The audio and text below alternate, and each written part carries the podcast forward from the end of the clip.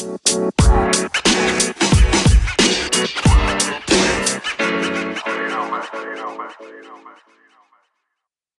27 Pod'un sunduğu Oyun Planı Podcast'inin 156. bölümüne hoş geldiniz. Bugün Can'la beraberiz. Can hoş geldin. Hoş bulduk. Yine bir yayınlık aranın ardından tekrar beraberiz. evet bizim maç temposuna denk geldi. Şimdi takım deplasmana gitti. Oraya araya da iyi denk geldi. Bu çünkü bu akşam seriler başlıyor. Evet NBA playofflarında artık son 4 takım kaldı ve hani sezon başında yazsanız bu 4 takım e, konferans finalleri oynayacak deseniz yok artık dediğiniz 4 takım bence. Hani çok fazla hani değil de yine de Bence Miami evet. hariç de hak, hak veriyorum bu konuda. Miami hariç herkes. Ya gerçi Warriors evet. da çok iyi başlamıştı bir düşününce. Hı hı. Ama yine de favorilerin elendiği bir ikinci tur izledik. Yani konferans finalleri, yarı finalleri izledik. Neyse geleceğiz oralara. Öncelikle ee, geçen bölüm ben ödüllerden bahsetmiştim. Bugün nelerden bahsedeceğiz ondan biraz söyleyeyim.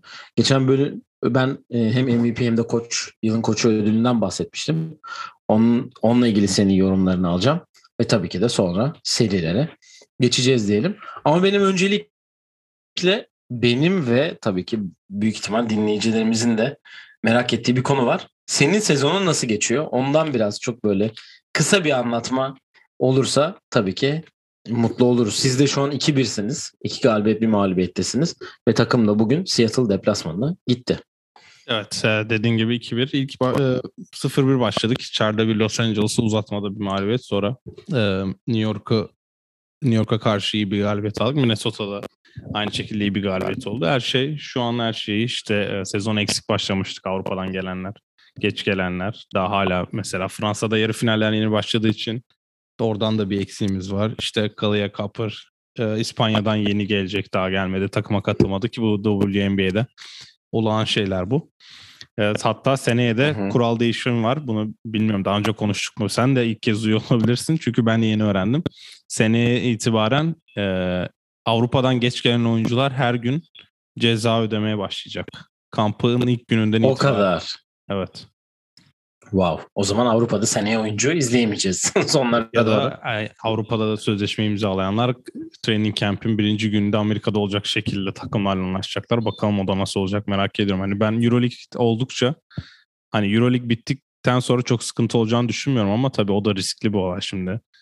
Hani Euroleague Bayağı oynadım sonra da döneyim WNBA'ye demek biraz ayıp olur geliyor. Evet. Onu da göreceğiz. Ya zaten şimdi arada dipnot da geçeyim. Sen de yeni yaşını almış oluyorsun. Şimdi yaşlandığın için de kaç yaşına bastığını söylemeyeceğim ama yaşlandığını belirtelim. Evet. Bizim üçüncü sene üst üste oldu. Sürekli benim doğum günümde bir yayın yapıyoruz. İlk bir Last Dance'in son iki bölümü az da hatırlıyorsan yayınlanmıştı. Evet. Üç sene önce ilk başladığımızda. Geçen sene de yine doğum günü gününde yapmıştık. Bu seneyi de es geçmedik. Teşekkür ederim onun için de. Bunu da söylediğin için. Yaşı söylemiyoruz. Devam ediyoruz onun için. evet. yani size tekrar inşallah takım tamamlandıktan sonra sonuçta geçen sene şampiyonu takım iyi yerlere geleceğini umuyoruz diyelim. Ve heyecan da tabii ki de orada biraz daha herhalde önümüzdeki aylarda daha da artar diye e, bekliyoruz. E, ödüllere geçelim yani. Geçen bölüm ben e, solo yaptığım yayında hem e, MVP hem de yılın koçu belli olmuştu. Senin de onunla ilgili kısa yorumlarını alacağım. Kupalarla ilgili bu arada bir şey söyleyeyim. Onu geçen bölümde bahsetmiştim. Hani bu sezon e, oyunculara 75. yıla özel bir küre veriliyor. Hani diamond hani gümüş yani diamond şey hani elmas yılı olarak adlandırılıyor NBA'de. Onun için oyunculara ödüllerde küçük bir küreler veriliyor ama gerçek ödüllerde hani MVP'de de yılın koçunda da işte yılın savunmacısında da orijinal ödüllerde veriliyormuş. Onu da kısacası belirtelim.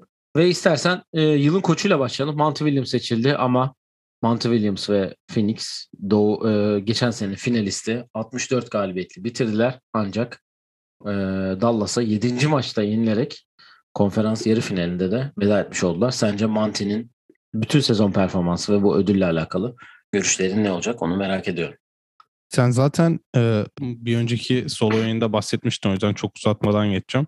Dediğin gibi 64 galibiyet alan bir takımın en iyi koç alması senin de dediğin gibi bölümde geçen sene hak etmişti ama orada harbi cidden New York e, medyası diyelim orada olaya el attı.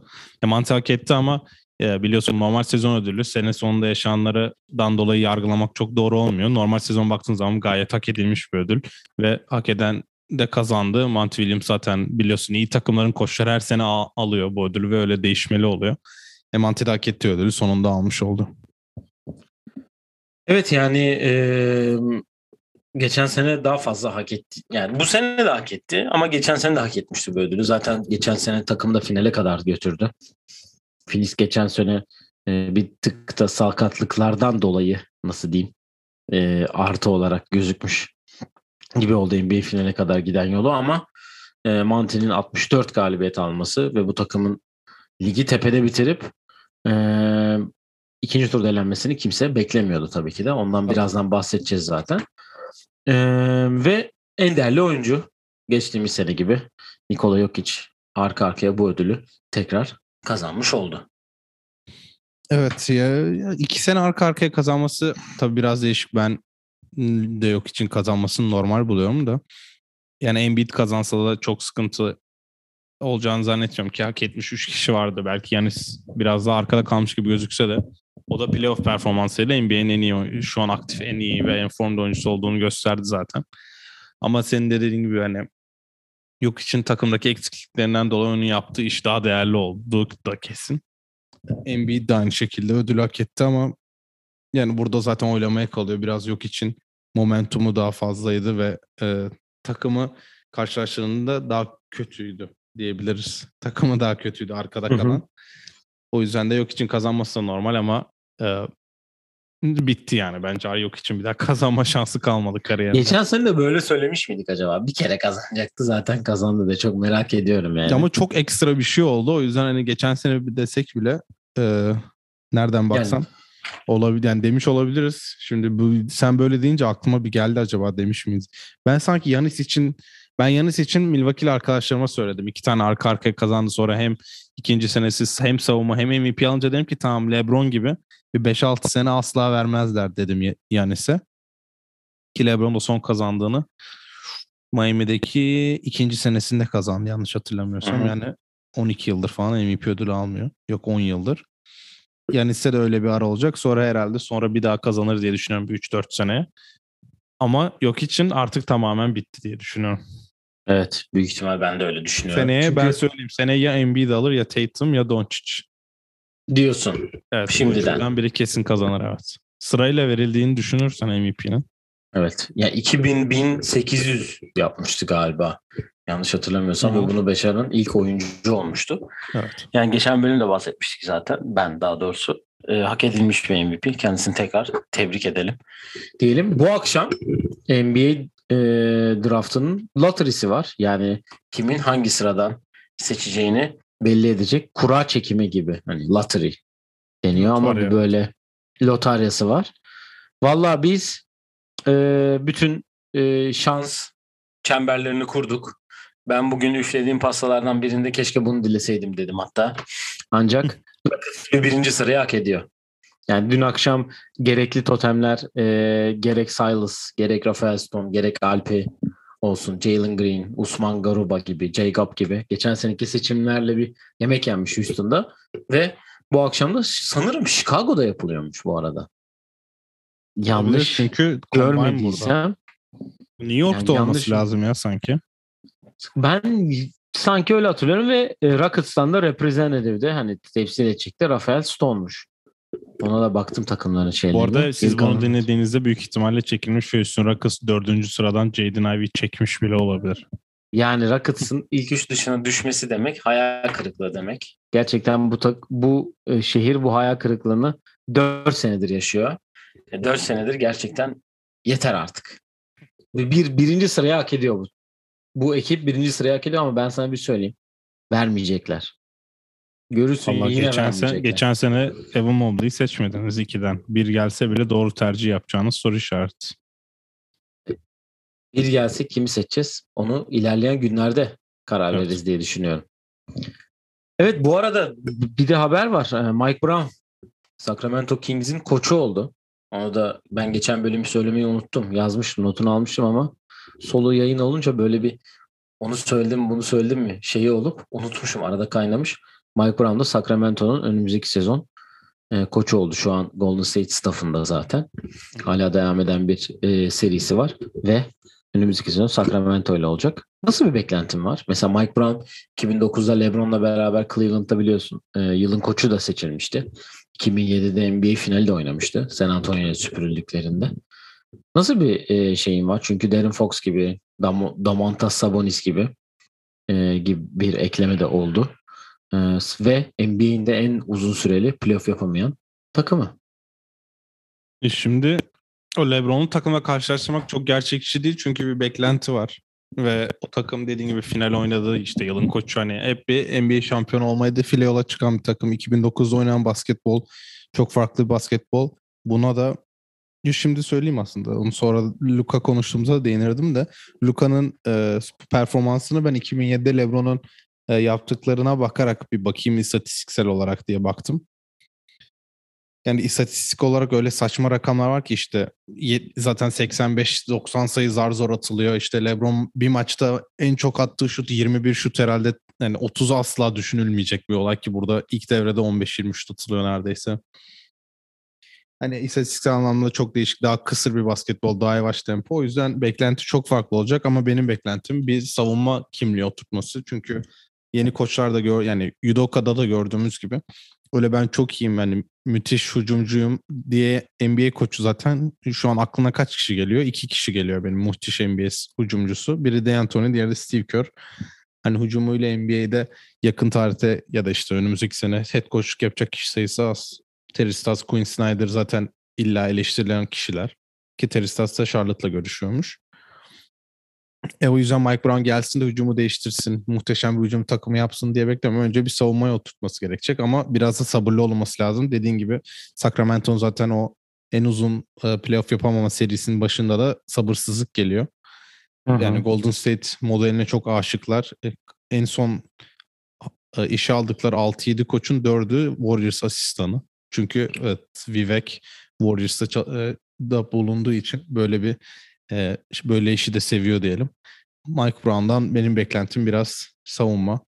Üstüne de topları biraz yıldızlara vererek hani sonuçta o da Steve Kerr basketbolunu gördüğü için e, bir, birkaç senedir oradan yola çıkarak belki De'Aaron Fox'u daha üst seviyeye çıkarsa başarı geleceğine de inanıyordur diye düşünüyorum. Valla bakalım nasıl bir şey olacak. Dediğimiz gibi hani uzun, NBA'nin en uzun süredir playoff yapamayan takımı. Ee, orada ciddi anlamda bir hani kimi getirsek Luke Walton gitti mi, o oldu mu, bu oldu mu diye düşünürken e, Mike Brown geldi. Bu arada Kenny Atkinson'ın da ismi çok dönmeye başladı. Evet. Ve Lakers'ın da Russell Westbrook'tan nasıl maksimum verim alırız koç görüşmeleri varmış. Darvin Ham'le ciddi anlamda görüşüyorlar. Milwaukee asistanı o da. O gün Boston'da 7. maçta kenarda Bobby Portis sakinleştiriyordu. Bobby Portis gözlüğünü kırarken falan. Evet, Orada evet. da bir Darwin gördük. Ama yani zannetmiyorum Lakers'a öyle bir asistan yeni koç ilk koçluk deneyimi falan birini gideceğini. Gerçekçi gelmiyor bana o da. Doug Rivers'ı falan yazmışlar. Aman. Aman diyeyim hocam. Evet e, zaten haberler oldukça koç değişimleri olsun. Diğer şeyler olsun. All NBA takımları var önümüzde. All Rookie takımları var. Onlar açıklanacak. Onları bekliyoruz. Ondan sonra da zaten NBA finallerine yavaş yavaş gitmiş olacağız diyelim ve konferans finallerine geçelim. Doğu ile başlayalım. E, Miami Philadelphia ile eşleşmişti biliyorsunuz ve e, 6. maçlar oynanmamış. 6. maç henüz oynanmamıştı ve Miami Philadelphia'yı e, 4-2 ile geçerek adını e, Doğu finaline yazdırdı. Yani Philadelphia'da biz hani bir 2-3 James Harden gördük acaba mı falan oldu ama Miami hiç e, o işe izin vermedi ve zaten Doğu birincisi olarak geldikleri playofflarda da 1-4-1, 1-4-2 ile Doğu finaline rahat gelmiş oldular. Diğer tarafta da bir 7. maç klasiği yaşandı. Milwaukee Boston Boston'da 7. maçı kazanarak e, adını e, Doğu finaline yazdırmış oldu. Ve bana da çok da güzel bir e, yemek nasip etti o. Bildiğiniz üzere burada bir iddia vardı. Öncelikle tabii ki bu iddia ile ilgili yorumlarını alacağım. Çünkü ben daha bu seri ilk başlayacağı gün Boston'ın geçeceğini söylemiştim. Sen bu hayatta hiç güvenmediğin Milwaukee takımına güvenerek 10 sene Wisconsin'de yaşayıp bir gün güvenmediğin Milwaukee takımına bu seride nasıl güvendin onu merak ediyorum. Yannis'e güvendim ben.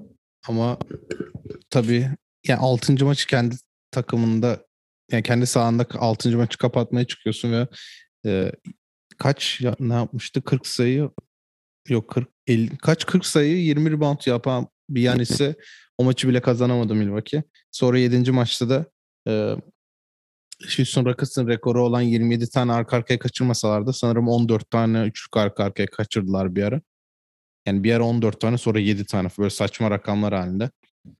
Ee, kaç 10, 10 13 üçlük fark yiyerek böyle değişik. Yok kaç tane sokmuştu Celtics tam hatırlamıyorum da. Yani Milwaukee 4 tane sokarak zaten hiçbir şans tanımadı kendisine. Ve elendiler. Yani iddia kaybetmek olağan şeyler. Ben e, kazan önceki e, sezon iddiasını kazanmanın getirmiş olduğu bir özgüven vardı ne yalan söyleyeyim. E, Rockets iddiasını kazandığım Yersiz için, bir şekilde. Aynen. Rockets iddiasını kazandığım için biraz rahatlık vardı üzerimde. Ama arka arka iki iddia kaybetmek istemiyordum. Onu e, onu Westbrook senesinde sanırım ben kay, iki iddia kaybetmiştim o sene. O seneden beri her iddiayı neredeyse bir biri ya da iki iki fan kapışıyoruz. O seneden beri arka arka iddia kaybetmemiştim. Orada Westbrook'un da MVP olacağı tuttu. Ya da Harden MVP'si öyle bir şey olması lazım. Orada Evet. kaybetmiştim. Ben NBA finalinde kaybetmiştim. Ha. Süpürülmez Evet, tarzı bir şimdi şey de- demiştin. Ya böyle arada yani Jason Tatum'un kariyerinin en iyi maçının olduğu seride iddia kaybetmek de çok büyük sıkıntı değil. Yapacak bir şey yok. Hak eden üst tura çıktı. O yüzden de yani bu tur ne olur bilmiyorum da bassın. Çok yorgun geliyor onu da söylemiş olayım. Yani evet ben e, 7. maçı Türkiye saatiyle daha erken olduğu için izleme şansı da yakaladım. Ciddi anlamda başta e, Grant Williams'ın tabii ki inanılmaz şut performansı diyeceğim. Hani e, içeride inanılmaz bir atmosfer vardı Boston'da, TD Garden'da ve e, Milwaukee gel, ciddi anlamda yani ilk defa e, yalnız olduğunu hissetti ve e, Middleton'un olmayışı ve hiçbir katkı da alamayışından dolayı maç bir ara 20 sayılara kadar çıktı. Ama işte Yannis de motoru kapatınca işte Grant Williams'ın ekstra isabetleri, Tatum'un oyunu, Jalen Brown'un oyunu e, Boston 18 sayılık bir galibiyet alarak kendini Doğu finaline yazdırdı ve 2020'deki Bubble finalinin bir rövanşı var şu an önümüzde. Ee, yani Boston zaten Brooklyn'i süpürerek e, sonra Milwaukee'yi eleyerek Milwaukee serisini ciddi anlamda yoruldular ama benim düşüncem daha bir özgüvenli geliyorlar Miami'ye karşı. Çünkü hem Durant'in hem Yannis'i eleyip belli de bir savunma kimliği ciddi anlamda oturtmuşken Miami'ye karşı ben sanki bu seri bir tık daha önde olduklarını düşünüyorum. Miami'de Kyle Lowry'nin durumu belli değil. Bu akşam başlıyor bu arada seri. Miami'de başlayacak. Ve hani bir büyük ihtimal bir ilk maçı o ilk maçı deplasmanda oynayıp yorgun gelmeyle bir hani bu akşamki maçı Miami alır gibi ama burada da bir 6-7 maçlık bir seri izleriz. Benim istediğim Boston'ın NBA finaline çıkması. Çünkü ciddi anlamda Miami'nin NBA finalinde olmasını ben hani bu dört takımda en az istediğim e, takım Miami'nin herhalde NBA finalinde olması diyebilirim. Miami NBA finaline çıkarsa sanki finalde daha değişik bir yani Boston'dan beklentimiz belli. Miami çok e, ne yapacağı belli olmayan bir takım. O yüzden daha farklı bir NBA finali izletebilir. Ben de Boston önde görüyorum bu seride ama işte bugünkü maç biraz bu hani takvim kay, ta, takvim mağlubiyeti yazıyor gibi burada. Daha pazar günü öğlen oynandı. Gerçi evet iç, ha, gerçi iç sahada değiller ki uçak çok uzak değil. Bir buçuk saat olması lazım orada da. Boston NBA finaline kalması demek bu arada. Ee, Los Angeles 2010'dan beri herhalde oynanan. Yo aslında Miami Boston da çok uzaktı da. Yani Golden State Boston finali olursa oyunculara havada geçecek 6 saatte kolaylıklar diliyorum her seferinde. e, deplasmana gittiklerinde çünkü bayağı sıkıntı olacak. Yani Boston'da öyle bir şey var. Boston Golden State finali bayağı uzak mesafeli oluyor. Ya beklenti seri tahmini yapalım ya bari. Zaten iki seri var. Ben 4 ben yine 4-3 Boston diyeyim ya. 4-2 diyorum ben de. 4-3 Peki- Boston orada kazanması gerekiyor ya. Orada acaba 4-2 Boston diyorum ben. LeBron hayaleti acaba orada Miami'yi iter mi arkadan diye düşünmüyor da değilim. Evet.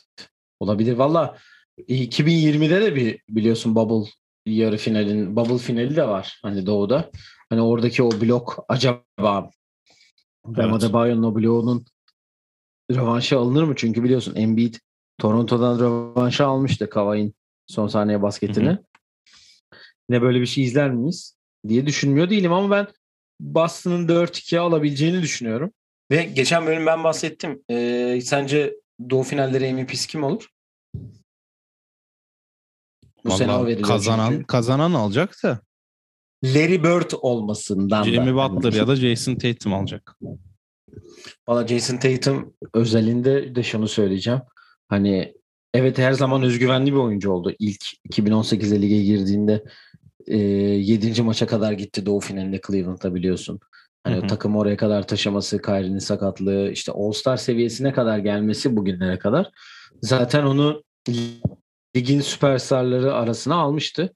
Ama senin de dediğin o 6. maçta yaptığı o 46 sayılık performansı olsun ve ciddi anlamda bir liderlik rolüne bölünmesi e, çok farklı bir seviyeye çıkarıyor. Hani bir NBA finali ona ben yakışacağını düşünüyorum. Benim de sevdiğim oyunculardan biri olduğu için biraz da hani bu gururu yaşıyorum diyeyim.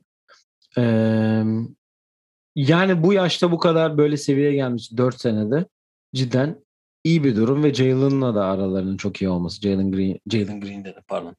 Jalen Brown'la. E, Yudoka'nın da dediğim gibi bir savunma kimliği oluşturması sanki Boston için bir tık daha avantaj gibi duruyor. Evet ben bu ödül işini sevdim bu arada güzel olmuş ama Bence Doğu'da de da çok şöyle bir güzel şey var. Ee, yani Boston Celtics'ten başka da tarihsel takımlar var. Bütün ödüllere Boston Celtics o eski oyuncuların adını vermek biraz saçma olmuş. Bunu geçen No Dunks'a da konuştular. Bunu da konuş herhalde öyle olacaktır. Sana da sorayım. Michael Jordan'a ödül adı verecekler diye tahmin ediyorum bir yerde. Niye verilmiyor harbiden? Normal sezon MVP'sinin adı yok sadece. Finaller MVP'si Bill Russell. Bill Russell. Yani normal bence yani ne bileyim finaller MVP'sinin adını Jordan'ın verilmemesi Yok şu an Bill Russell'ken değişmez artık. Çünkü Bill Russell hani her seferinde geliyor ya. Ya takım sahibi diye birkaç birçoğu şeyde NBA'de Michael Jordan'ı tercih etmediğini görüyoruz çünkü. Ee, conflict of interest oluyor direkt. Ee, takım sahibi olduğu için hani işte çağrılmıyor, davet edilmiyor, konuşmacı olmuyor, hani ödül almıyor. Tarz, o tarz şeyler var okey. Ama isim veriliyor sonuçta bir hani representation o da. O konuda da ben artık normal sezon MVP'sin Jordan'a başka bir ödül kalmadı bu arada çünkü. Evet o sene MVP'si de Kobe'ye geçti. Evet, o da hani Magic ve Larry Bird inanılmaz güzel ödüller bu arada. bence de. İsim olarak yani cuk oturmuş. Bakalım. Ee, Miami açısından hani Kyle Lowry'nin durumu belli değil. Jimmy Butler yani Bam Adebayo burada fark yaratır mı acaba diye düşünüyorum. Çünkü Robert Williams'ın durumunun belli olmadığı ortada.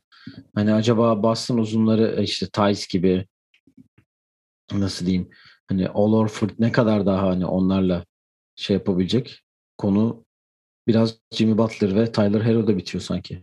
E, Jimmy Butler ve Jason Tatum'un hangisi daha üstünse o kazanır gibime geliyor. Çünkü 2019'da hatırlıyorsan öyle, ay 2020'de hatırlıyorsan öyle olmuştu.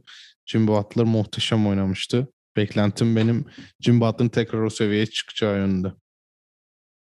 Bakalım.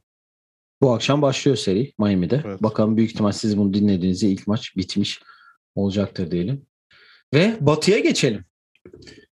Batı'da bence e, bu sezonun en büyük sürprizi yaşandı diyebiliriz diye düşünüyorum. Çünkü bildiğiniz üzere zaten Golden State Memphis'i 6. maçta geçmişti 4-2 ile. John Morant'in orada sakatlığı Golden State'i e, Batı finaline kadar getirdi. Ama e, demin yayında başında da bahsettik. E, Dallas 7. maçta Phoenix'i Phoenix'te yenerek hatta bir ara 50 sayı öne kadar geçmişken geçti ve e, Phoenix'i eledi Dallas. Yani sezon başında Doncic'i karşısına otursan desen ki hocam sen bu sene Batı finali yapacaksın desen büyük ihtimal kendisi de inanmayacaktı. Ama Luka Doncic Batı finalinde kariyerinde ilk defa 2011'den beri bir seri kazanmışlardı Utah'a karşı. Şimdi 2011'den beri ilk defa Batı finalindeler. Ve rakipleri Golden State. Ve bence öbür seriden çok daha ortada bir seri gibi görüyorum ben. Birazdan tabii ki nedenlerini de açıklayacağım.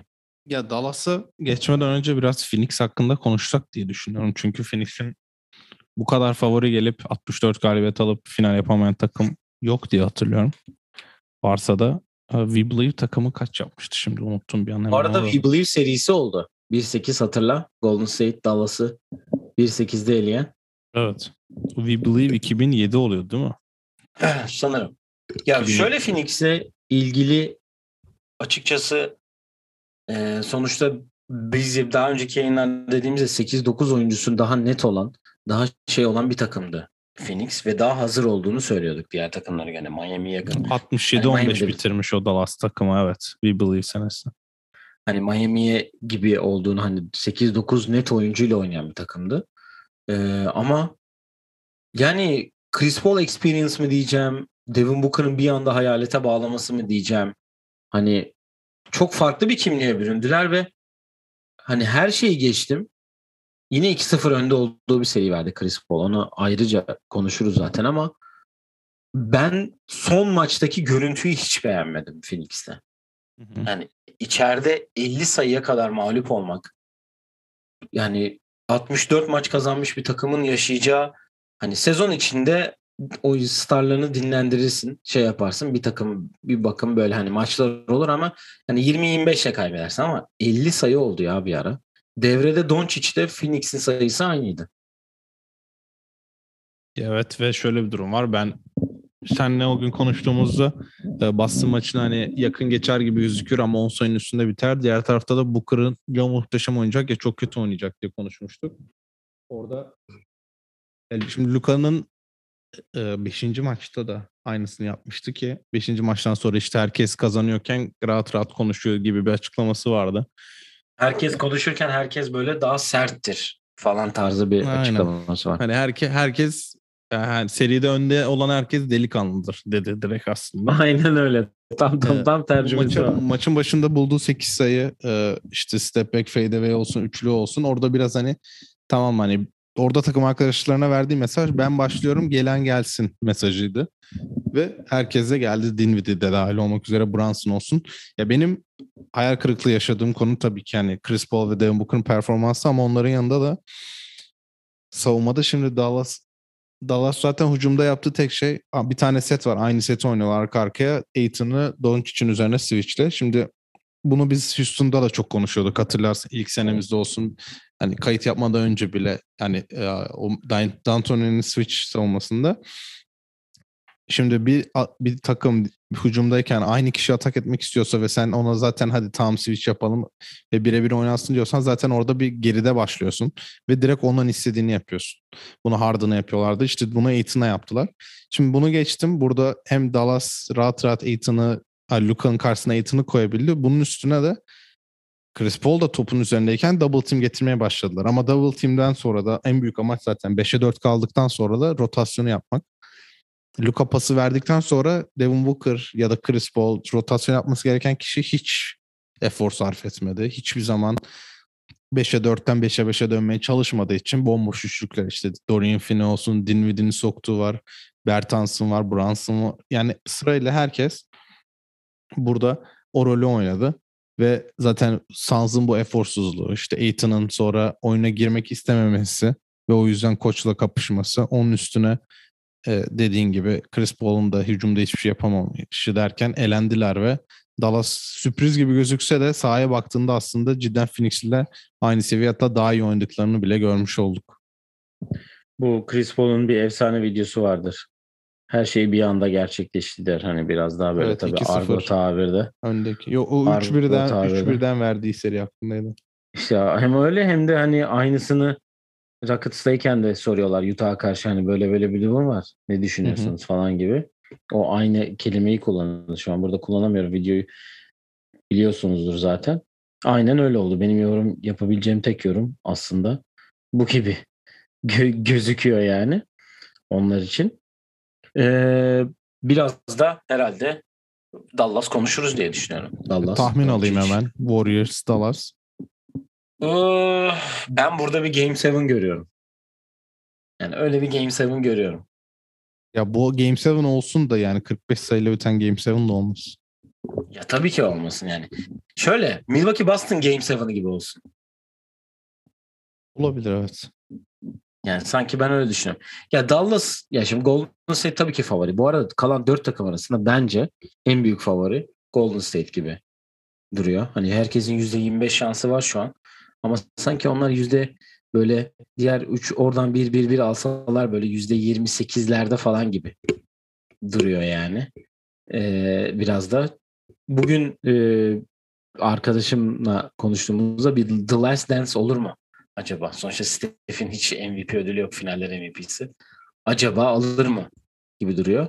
Ama Dallas'ta da bu arada şunu da söyleyeyim. E, bunun tweetini de attım. Dallas yönetiminden ve Spencer Dinwiddie'den ayrıca özür diliyorum. Bu takas yapıldığı zaman ben ne alaka çok saçma. Kim böyle bir takas yapar? Ne işi var Spencer Dinwiddie'nin orada derken çıktı 30 sayısını 7. maçta attı ve turu da getirdi. Ee, ben Dallas'la ilgili umudum 3 kartlı sistemden dolayı biraz. Çünkü Doncic, Brunson ve Dinwiddie ee, den hangisi Luka'dan yani o ikisinden biri hangisi 25 sayıdan fazla atıyorsa Dallas bütün maçları kazanmış bu playofflarda. Kazandıkları 8 maçlar. Bu acayip bir istatistik. Ee, ve bu 3 kartlı sistemde ben Golden State'e bir, bir tür sıkıntı çıkarabileceklerini düşünüyorum. Ama tabii e, ya bilmiyorum çok ortada bir seri. Ciddi anlamda benim için çok ortada bir seri bu yani.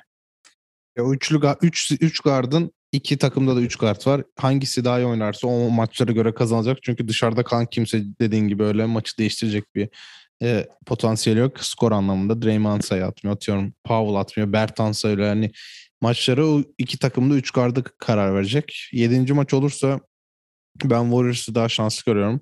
E, bu ilk iki maçta Dallas eğer bir tane çalabilirse serinin e, durumu değişebilir. Ben Warriors'ın kazanmasını bekliyorum. Sırf burada Steph'e güveniyorum ki ben çok güvenmem Steph'e de bu konuda. Ee, Toronto serisinde hiç güvenmemiştim. Orada bir, bir tık haklı çıkarmıştı beni. Sakatlıklar olsa bile ama ya ben sanki Luka'ya bir türlü yavaşlatmayı bulacaklar yani tecrübe. Buraları oynamayı bilen takım olarak son kez finale kalacaklar ve dediğin gibi şampiyonluğun daha büyük favorisi olarak geliyor bana. 4-3 4-3 çok olur ama bu 7. maçta Luka'ya karşı da ne bileyim Luka kaybeder diyemiyorum. O yüzden 4-2 Warriors. O maçta yaptıklarından sonra ben hiçbir şey Evet. diyemiyorum ya. Bütün Bu arada Memphis'e. Memphis'e 55 sayıyla kaybeden takımın son dans adını alması biraz değişik geliyor bana. Öyle bir prestij hak ettiklerini düşünmüyorum ben. E, o farklı bir durum. Evet. O farklı bir durum değil. Yani ben 7'ye kalırsa Golden State bir tık daha öndedir ama Doncic işte bu ne yapacağı hiç belli olmuyor. Ciddi anlamda bu maçı alama, alabilir mi, alamaz mı? Bir gün çok kötü oynuyor, sinirli. Bir de bu Phoenix serisinde onu bayağı kızdırdılar. Hani aynı işi Draymond falan yapacaksa yapmamalarını tercih ederim ben. Bence yapmazlar zaten. Yapmasınlar zaten. Ama ciddi anlamda çok zevkli bir seri. Hani Boston Milwaukee'de izlemiştik. Şimdi bu en heyecanlı seri Dallas Golden State'e geçti diyebiliriz. Burada da ya Luka ya da Steph büyük ihtimal konferans finali MVP'sini alır diye düşünüyorum. Ee, o da yarın başlıyor. Yarın gece e, Golden State'te başlayacak seri ve e, bakalım ne, nasıl iki seri bizleri bekliyor diyelim. Biz herhalde ikinci maçlardan sonra tekrar ya ben ya da Can'la beraber sizlerle oluruz diyelim. Var mı eklemek istediğin herhangi bir şey?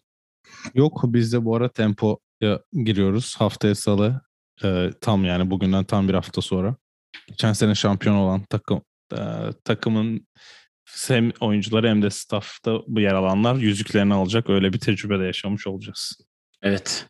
Şimdiden sana yarın akşam için başarılar dileyelim. Zor bir deplasmandasınız.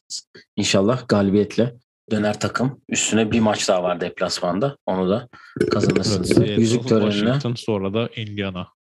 yüzük töreniyle de bunu taşlandırırsınız diyelim.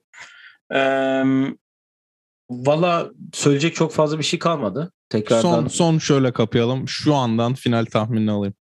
Sonuçlu. Ee, Golden State Boston. Golden State in 6.